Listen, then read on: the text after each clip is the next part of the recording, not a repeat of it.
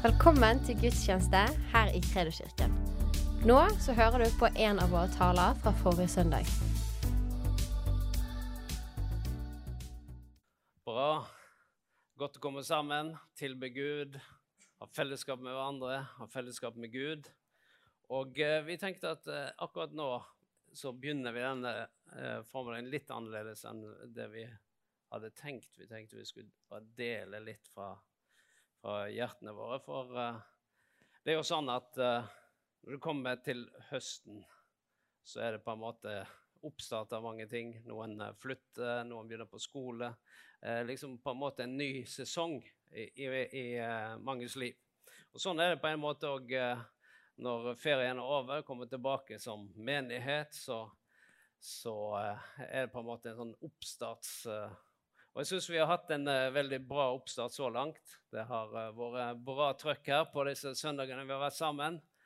Og, uh, men så er det Gud, hva er det du vil i den tiden som vi lever i akkurat nå? Hva er på Guds hjerte akkurat nå? Hva, hva, tenk, hva er det Gud holder på med? Hva er det han jobber med? Og her i sommer så kjørte vi bil sørover til eh, eh, Arendal og skulle tale på Visjon Norge. Hadde forberedt preken. Men på vei ned så eh, opplever Herren si at nei, du må, du må preke om noe annet. Det er veldig fint. Da har du kun den tiden i bilen å forberede deg. Og så finner du en lapp, og så skriver du noen ting. Og, så, og det var at eh, opplevde at eh, Eller vi begge to kjente på det at det er tid for Norge. Det er tid for denne nasjonen. Eh, fordi det, jo, det har vært bølger før, det har vært eh, sesonger før hvor Gud har berørt denne nasjonen. Og eh, Norge har en historie av vekkelse. Det har skjedd veldig mye i Norge i epoker, i tider, som har berørt hele vårt land. Og eh, vi tenker det, det, det, er tid for en ny runde hvor Gud får bevege denne nasjonen. Så, så det er noe som vi har snakket mye om i sommer og kjent på. Og så eh, tenkte vi det at det, her, det med Norge, det å, det å nå ut til folk, det er jo noe som har eh, har eh, lagt på Eller fulgt våre liv lenge. Da jeg var russ i 1984, var jeg russ. Da sto jeg på torget på Voss. Menigheten hadde torgmøte. Og vi sto der og sang. Og jeg hadde vitnesbyrd. Og eh, noen av de jeg gikk i klassen med, de sto rundt hushjørnet der og eh, fulgte med. Det fortalte de meg seinere, at de hadde eh, sett meg på torgmøte. Og mens jeg var på Voss og eh, sto der og hadde friluftsmøte, så holdt du på med noe annet oppe i Ål i Hallingdal. Ja, da sto jeg eh, med en sånn kasse med masse bøker og en kassettspiller. Og spilte Åge Samuelsen. Og eh, evangeliserte på torget på Ål. Så Så nå har hun et bokbord der borte Ja. som ble åpent etter møtet. det har jeg glemt å si. Og da er det halv pris på alle barnebøker. Ikke Bibelen, men alle barnebøker. Så det er mulig å gjøre noen kupp i dag. Ja. Det var reklamen, så Ja. går vi videre. og eh, så eh, reiste jeg på en misjonsbåt som heter Lida. Og vi reiste fra by til by i dette landet og hadde torgmøte. Jeg har et bilde av et torgmøte som vi hadde. Skal vi se om vi får det på veggen. Det der i Langesund. Og hver sommer fra, i, fra 1986 og utover i tre-fire år der, så reiste vi fra Flekkefjord og kjørte langs kysten helt opp til Halden. Og eh, vi hadde leir om bord med undervisning, og, og så hadde vi mye gøy. Og så hver kveld så hadde vi det vi kalte for bryggemøte. Og eh, det kunne komme fra 200-300 til eh, 1200-1500 på en sånn kveld. Vi hadde konsert på kvelden, hadde vitnesbyrd. Vi seilte båtene, lå rundt omkring og lytta, de som ikke sto på torget. Kjørte innerst i Poll i Arendal, hadde vært i Arendal. Vi seilte skuta helt innerst, det var båter overalt, og torget var fullt. Så hadde vi møte. Og dette gjorde vi. På vinteren så var vi på husbesøk. Dvs. Si vi for fra by til by og banka på dørene, evangeliserte, sto på torget og sang. Så det, jeg har vært rundt omkring i, i veldig mange hus og hjem i dette landet og vitna om Jesus. Og så reiste jeg på bibelskole, men du dro på team. Ja, da eh, skulle jeg få reise på team. Jeg kjente ikke henne da. Nei, nå ikke. ja, og det, jeg husker eh, året før, eh, eller de to årene før jeg kom med på Elida, jeg hadde en sånn lengsel i mitt indre etter å få, å få være med, med de som Altså bort fra det normale, da, for å si det sånn. Eh, vanlige, tradisjonelle. Jeg måtte være sammen med, med noen som bare hadde gitt hele sine liv. Og så når jeg bare kom, kom dit, så bare kjente jeg åh, nå har jeg kommet hjem. Åh, takk og lov. Så da var det å seile rundt og vitne og for dører. Og jeg hadde jo selvfølgelig denne frykten som jeg fortalte dere om, så det nyttet ikke for meg å snakke i forsamlinger. Men jeg eh, var god på ellers å være med da, i teamet. Ja, så kom vi om bord, og så var vi i lag på team der. Det var der vi traff hverandre om bord på denne båten. Ja. Så hun var teamleder, og jeg var predikant. Så vi ble jo egentlig et veldig bra team, da. Ja, så det, kan, Det det, kan skje ting av sånt Ja. når hun er teamleder og jeg er predikant, og skjer det saker. Så, eh, men vi har et bilde til hvor vi står og Ja, det der, der ser du han med gitaren der. Det er to med gitaren. Det er med trompet. Og han til høyre, han heter Olav Rønnavle. Og han til venstre heter Gerhard Asle Vindheim. Han er her òg. Eh, Så vi hadde konsert på kveldene, men vi, det er et annet bilde, og det er fra, fra neste bilde. Der er vi i aksjon i lag. På Stord bedehus, av alle plasser. Så, eh, så det, her var, det, det her var på en måte en livsstil, at vi ville nå ut til denne nasjonen. Hadde jeg et bilde til? Ja, det der. Det, du ser den båten var ikke så veldig stor sammenlignet med statsråd Lemkull. Men den eh, gjorde seg bemerka rundt omkring. Eh, men eh, det som er, det er noe med passion, det er noe med livskall, det er noe med, med hva, hva hjertet bærer. Så jeg tror at Gud hadde lagt ned noen ting i vårt liv hver for seg og i sammen, som òg har vært en, en reise som vi har gått, men det har ført oss dit vi er i dag.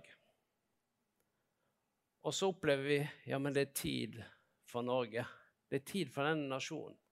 Og da kommer det hvordan, Gud Hva vil du at vi skal gjøre? Gud, hvordan kan vi nå, ut til dette landet? Hvordan kan vi berøre denne byen her? Det er det som på en måte berører vårt hjerte. Og eh, hvordan det ser ut, det vet vi ikke. Men eh, vi skal i hvert fall gjøre det som eh, vi opplever Gud leder til. Så, eh, og du sa jo i stad at det er en tid for forberedelse. Ja, absolutt. Og ja, i 2015, når jeg fikk mitt gjennombrudd og mitt livsforvandlende møte med Gud, så, så umiddelbart så bare fikk jeg en hunger etter, lek- etter vekkelse. Og jeg, jeg har lest haugevis av bøker om vekkelse, om Guds ånd som virker, om nasjoner som eh, blir berørt av Gud, og, og folk som bare faller om og bare møter Gud i mengder. Så det var noe som bare jeg hadde ikke lest dette før. Jeg har gått her i alle år, og jeg var ikke opptatt av dette.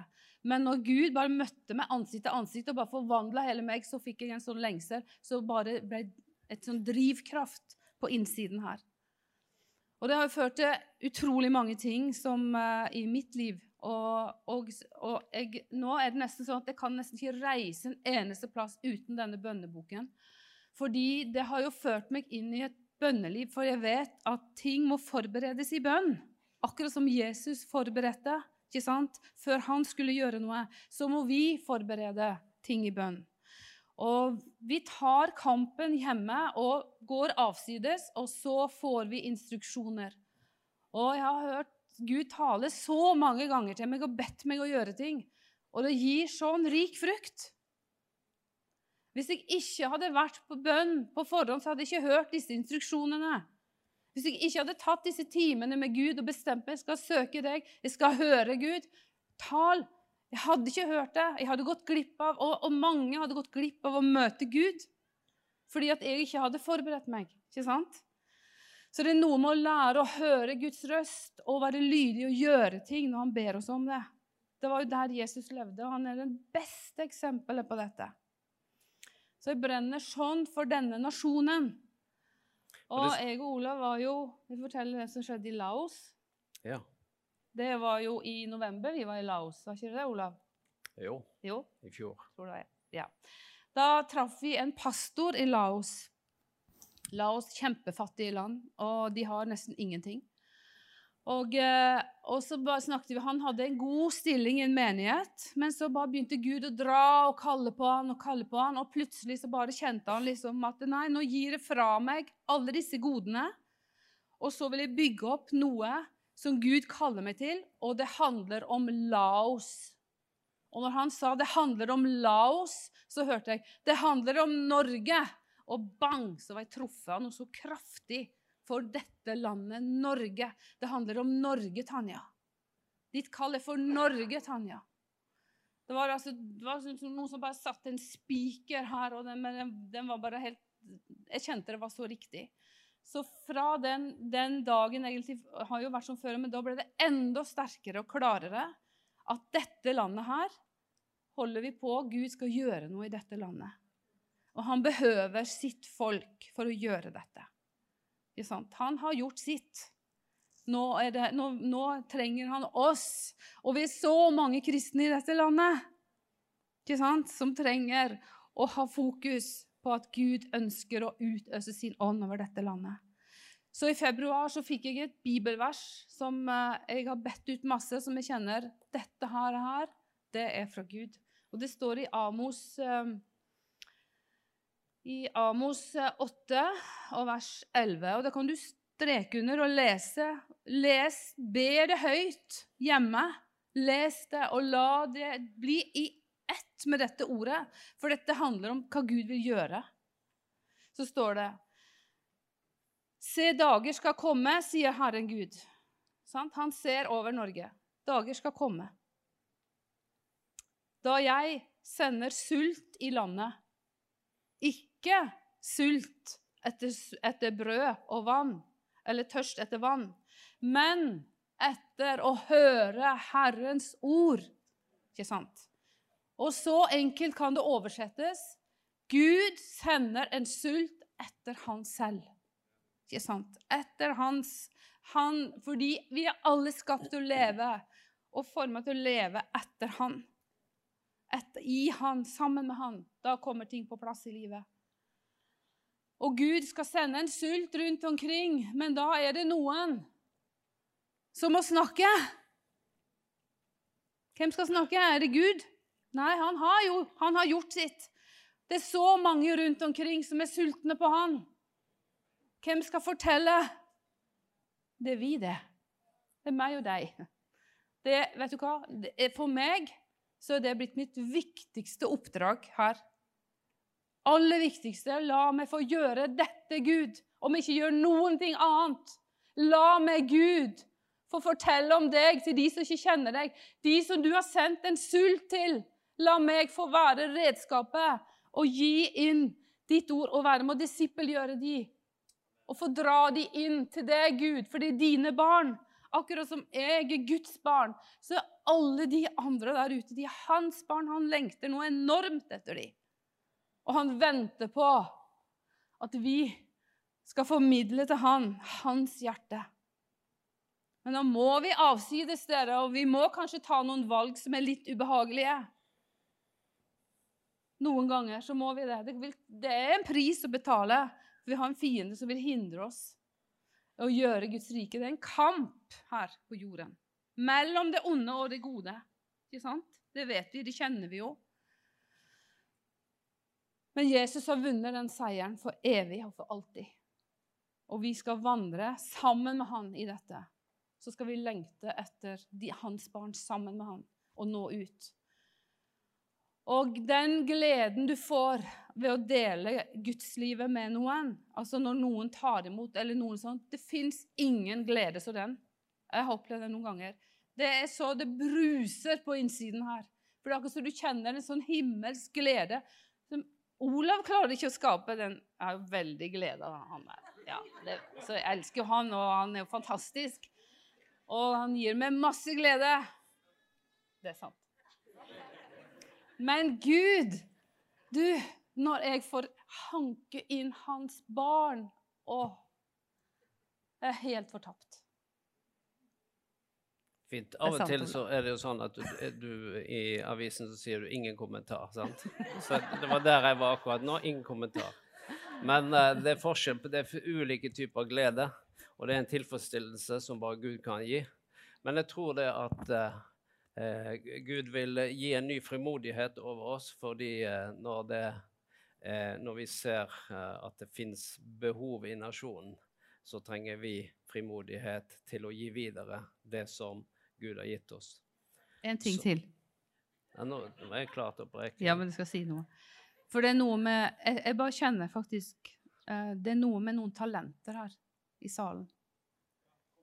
For det er noen som har gravd ned talentene sine. Du sitter her, mange av dere. Du har gravd de ned fordi du føler at du får det ikke til, du klarer det ikke. Men jeg kjenner jeg gir en utfordring fra Gud, rett og slett. Du skal begynne å grave opp talentene dine. Du har kanskje glemt de for lagt de til vekk for mange år siden og gitt det opp. Nå skal du begynne å børste støv av de og grave de opp sammen med Gud. Så skal du få være med i denne tiden her, og på denne høsten. Ikke sant? For du trengs. Hver eneste en. Ja, det var det.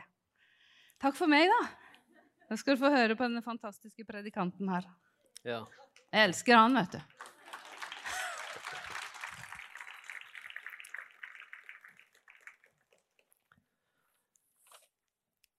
Det betyr at eh, vi har en eh, spennende tid foran oss, for mye kan skje. Og eh, jeg har nå bestemt meg for det at jeg vil være med på det som skjer. Jeg har ikke lyst til å sitte på tribunen og være tilskuer og så tenker jeg å, hadde du bare spilt ball dit, og hadde du bare spilt dit, og hadde du bare vært på, og hadde du bare vært det, så hadde så mye mer skjedd. Men det er sånn når du sitter på tribunen, så er det så lett å, å, å finne ut hva alle andre skulle gjort. Men hvis en er nede på banen sjøl, så er ikke en så opptatt av alle andre. Da er en bare opptatt av å vinne kampen. Det er sånn det. Da er det det som er hele mentaliteten. Det er at vi må vinne kampen, og jeg vil være med på å vinne denne kampen. Eh, slå opp i, eh, i dag, Vi har kalt det her for Visjonssøndag. Så da, jeg tenkte jeg ville si litt om eh, visjonen vår. Men først Du kan bare få visjonen opp på veggen. Og så skal vi lese fra eh, Efeserbrevet 2.19. Ja, begge de to tingene går ikke opp på skjermen samtidig. Så hvis vi skal lese Har du den på skjermen òg? Teksten? Yes. Kan vi lese den som står der, for jeg er ikke sikker på om det er samme oversettelse. Kan vi bruke den?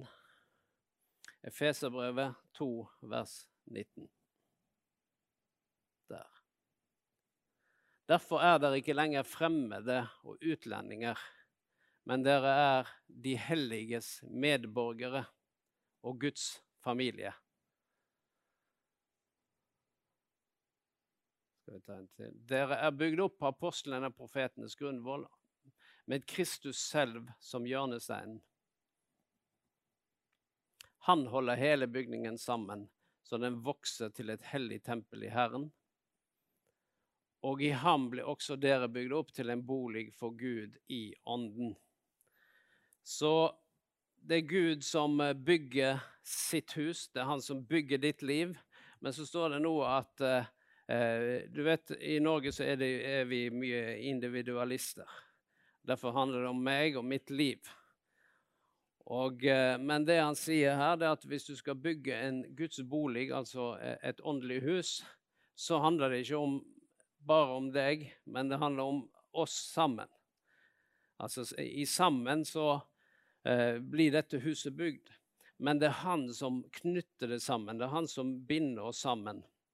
Og så sier han det at det er dere som var fremmede og eh, eh, utlendinger, dere har nå fått medborgerskap. Det er jo sånn å, å få norsk eh, statsborgerskap, da får du norsk pass.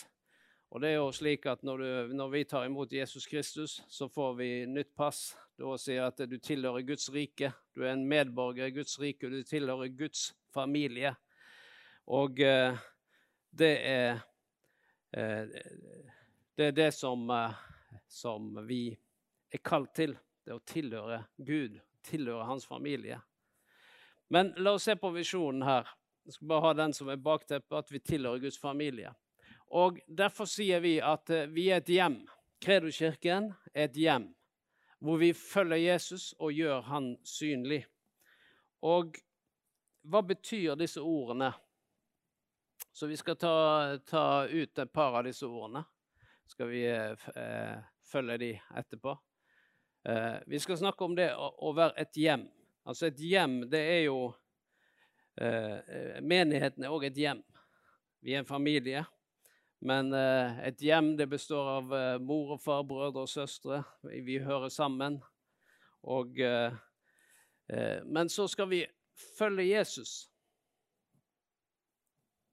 Og så skal vi gjøre han synlig. Og eh, nå skal vi ta disse tre ordene og så skal vi si litt omkring det. Fordi det å være et hjem, det handler om fellesskap. Det å følge Jesus, det handler om disippelskap. Og det å gjøre han synlig, det handler om livsstil. Fordi at eh, det er jo sånn med, med familien at eh, familien bringer noe til deg. Hver familie bringer noe til deg. Så når du er en del av familien, så gir familien deg noen ting. Det kan være ulike ting familien gir deg. Den gir deg tilhørighet. Den kan gi deg trygghet. Det å være sammen og spise sammen. Altså, du er knytta sammen fordi en er familie. Hver familie har en kultur og har en atmosfære.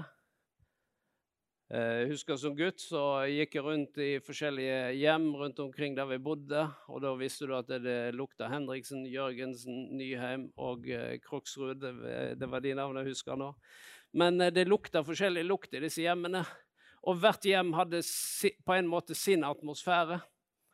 Og det å kjenne igjen at et hjem, det har en atmosfære. Det er, noen, det, det, det er et hjerte her. Det er ikke bare Familien gjør ikke bare noe sammen. Det har et hjerte for hverandre. Det er liv i, i, som fungerer mellom eh, i familien. Og så har vi disippelskap. Det å følge Jesus. Det handler om disippelskap. Det Jesus sa, det var at vi skulle gå ut i all verden, og så skulle vi gjøre hva? Alle til Til dine disipler eller hans disipler? Hans disipler. Og eh, hva er tanken med disippelskap? Det er jo jeg vet ikke om noen av dere har vært lærling. Har du vært lærling? Er det noen som har vært lærling? Der har vi en lærling her. Det vil si at du går i lære for å få et yrke. Den som lærer deg, han har en mestertittel. Du går i lære hos en mester. Og Bibelen kaller Jesus som mester. Så når disipler til, tiltalte Jesus, så sa de 'mester'. 'Mester, vi går under', sa de da vi var ute på sjøen det var litt bølger. 'Mester, vi går under. Bryr du deg ikke?' Så de tiltalte til mester. Men da, så det å være en disippel, det er som å være en lærling. Og så går du Men eh, nå er det jo sånn med oss På en måte så er vi disipler hele livet. Eh, for det er alltid noe å lære. Og eh, Men når du er en disippel, så er det et mål Denne mesteren som en går og lærer oss, han har et mål. Og målet er at eh, lærlingen skal bli som sin mester.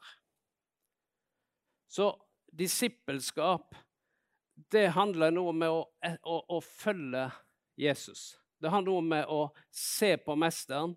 Så målet er at vi skal bli som sin mester. Vi skal reflektere sin mester i, i forhold til Jesus så skal vi lære, leve nær vår mester, og så skal vi gjøre som vår mester. Så det er fire ting som ligger i dette disippelskapet. Det er at vi skal bli som vår mester.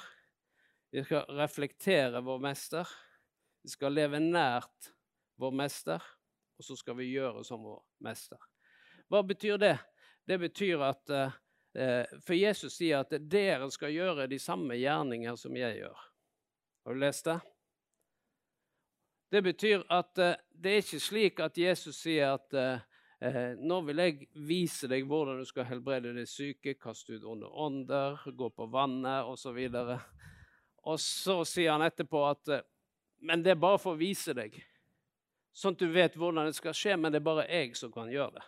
Det er fordi at jeg er Guds sønn, jeg er Jesus, og det her er kun for meg. Nei, han lærer disiplene disse tingene, for han, han vil gi det et eksempel så at de kan gjøre de samme gjerninger som han gjør. Og da tenker en oi, det var voldsomt.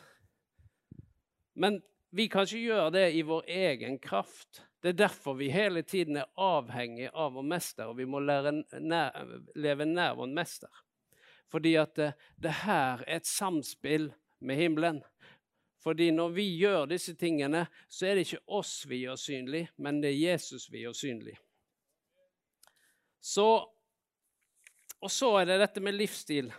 For det er det det handler om. Når vi gjør han synlig, så handler det om livsstilen vår.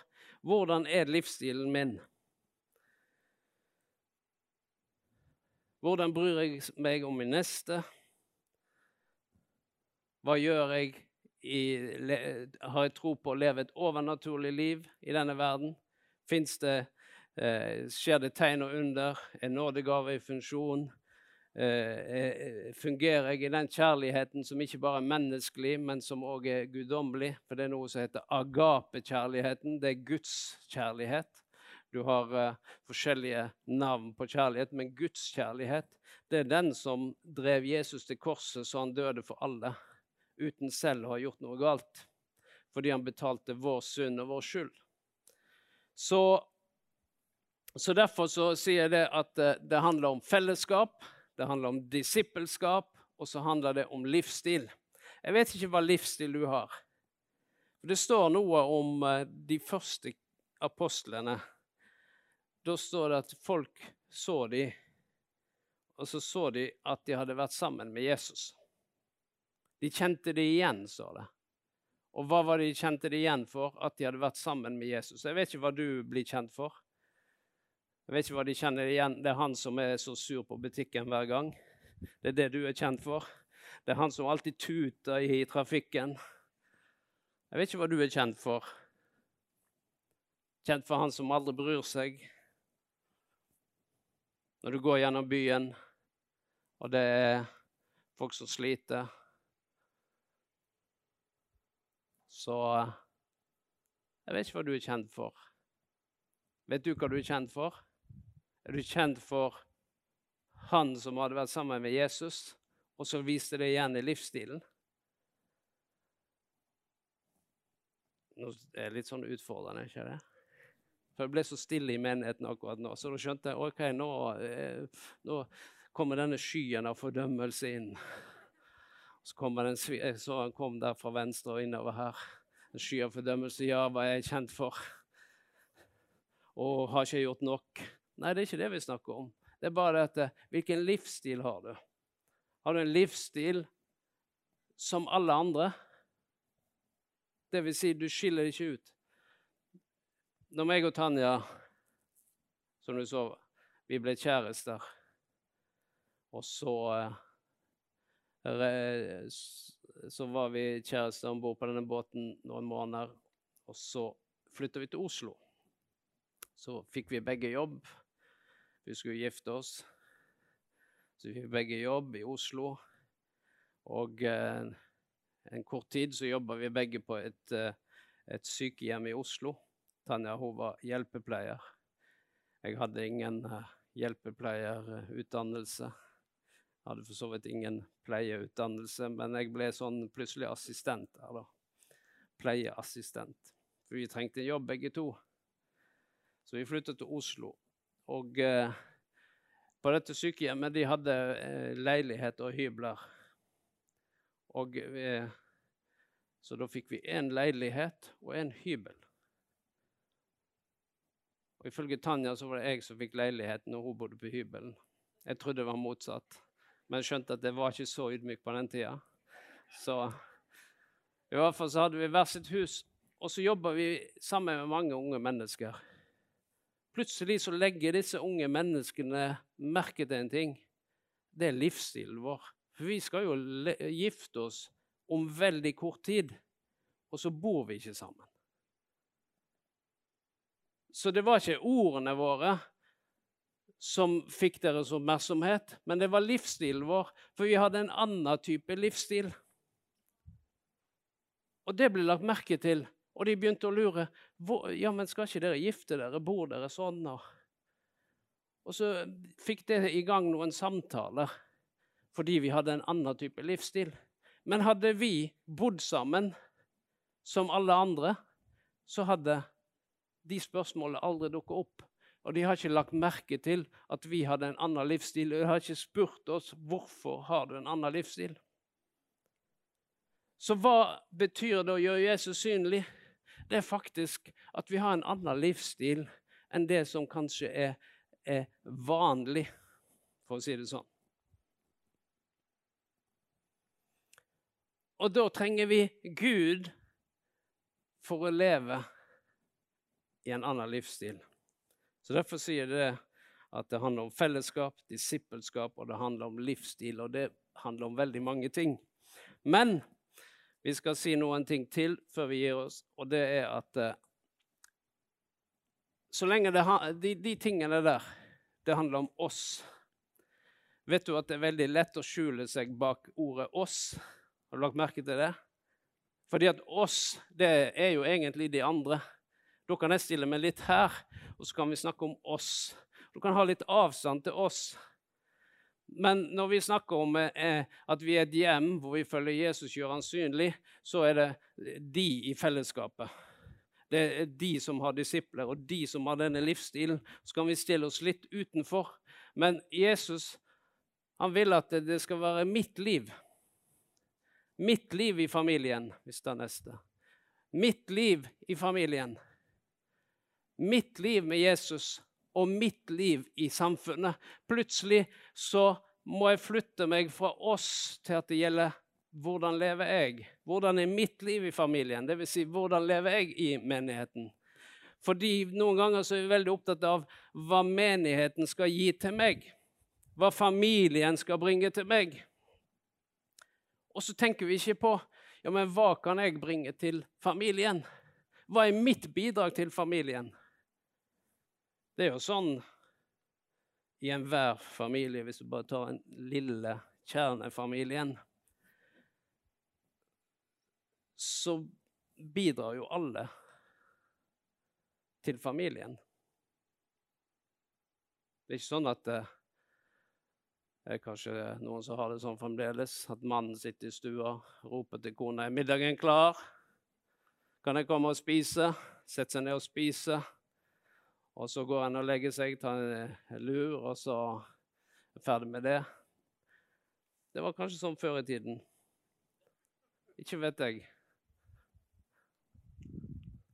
Men eh, det hadde ikke gått bra hvis jeg hadde oppført meg sånn. Kan jeg bare si deg. Nei, men uansett, vi bidrar alle. Og så er spørsmålet hva kan jeg bidra med til familien? For det er så lett for at i en verden hvor vi snakker om å, å, være, eh, å konsumere, altså at vi skal bare spise, spise, spise det meg, meg, meg, og hva kan, hva kan, samfunnet gi til meg, hva kan skolen gi til meg, hva kan alt gi til meg? Så vi er jo i sentrum for alt det som skjer på denne kloden, det er jo, er jo oss selv. Og Derfor er vi veldig opptatt av Og så kommer du inn til menigheten.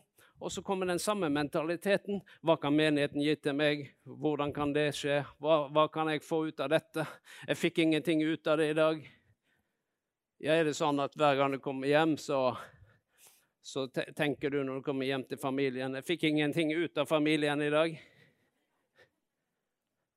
Så da er spørsmålet hva kan vi bringe inn til familien? Derfor sier jeg Det handler om mitt liv i familien. Det handler ikke bare om hva familien skal gjøre for meg, men hva kan jeg gjøre for familien. Det andre er mitt liv med Jesus. Tilbake der jeg var. Det andre er mitt liv med Jesus fordi det å være en disippel, det er noe personlig. Det er noe personlig. Så derfor handler det om mitt liv med Jesus. At jeg har et liv sammen med han. At jeg har min fellesskap, personlig fellesskap med Jesus. For livet med Jesus, det er personlig. Og så handler det om mitt liv i samfunnet. Fordi det er så lett for å dekke seg bak andre. Så derfor er det 'hvordan er mitt liv i samfunnet'? Det er ting som vi kan tenke igjennom. For da eh, flytter vi oss plutselig til det personlige. Men vi skal ta det ett hakk til. Vi skal snakke om at jeg er familie. Jeg er en disippel, jeg er en troende. Og da snakker vi plutselig om identitet. Fordi at eh, eh det er lett for å tenke at en kommer på besøk til familien. Men det er ikke slik at vi er fremmed i vårt eget hus, er vi det? Det er ikke sånn at du kommer på besøk og er en fremmed og snakker om familien din i tredje person.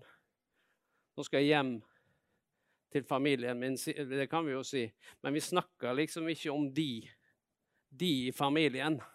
Og så, igjen da, så stiller vi ut noe, og så peker vi på ja, de i familien min som om jeg ikke var en del av det. Og Sånn snakker vi av og til om menigheten. Vi snakker om de i menigheten. Ja, men er det ikke sånn at, at jeg er familie? Eller er det plutselig Er det oss? Er det mitt liv? Og hvis det er mitt liv, så er det òg den jeg er. Du er jo familie. Det er noe du blir født inn i. Vi blir jo født inn i Guds rike. Så vi er jo alle Guds barn, og så har vi lokale menigheter. Kredokirken er en lokal menighet. og det, Vi kaller det et hjem fordi vi tror på at vi er en familie hvor vi hører sammen. Og da er spørsmålet hvor er identiteten? Jeg hører av og til folk de snakker om jobben sin. De snakker om menigheten som om menigheten. Men når de snakker om jobben sin, så snakker de om vi. Ja, vi på jobben og vi. Men når de snakker om menigheten, snakker de om de. Så jeg tenker da må vi flytte oss noen steg. Da må vi tenke ja, men det er jo en del av livet mitt, denne familien. Det er en del av, av den jeg er. Jeg tilhører ikke bare, men jeg er familie. Og jeg er en disippel. For det ble vi når vi tok imot Jesus, så ble vi disipler. Så jeg er en disippel, og så er jeg en troende. Det er ikke noe du gjør. Du gjør ikke en troende, du er en troende. For når du tar imot Jesus Kristus, blir født på ny, så er det fordi at vi er en troende. Jeg tror på Jesus Kristus. Og så er jeg en troende. Og det endrer noe av mentaliteten vår når vi ser. Og Det er derfor jeg tenker visjonen det er ikke bare noe som vi putter på veggen og sier at vi er et hjem hvor vi følger Jesus og gjør han synlig. Og da er det noe som er litt på avstand, men det jeg prøver på nå, det er å ta det så nær at du sier at jeg tilhører dette hjemmet. Og jeg følger Jesus, og jeg skal gjøre han synlig. Fordi jeg er familie, jeg er disippel, jeg er en troende. Og eh, vi prøver å minne oss selv om visjonen stadig vekk. Fordi det har noe med det som ligger i bånn. For ut fra dette så gjør vi masse forskjellige ting. Men det handler om at eh, vi vil skape et hjem.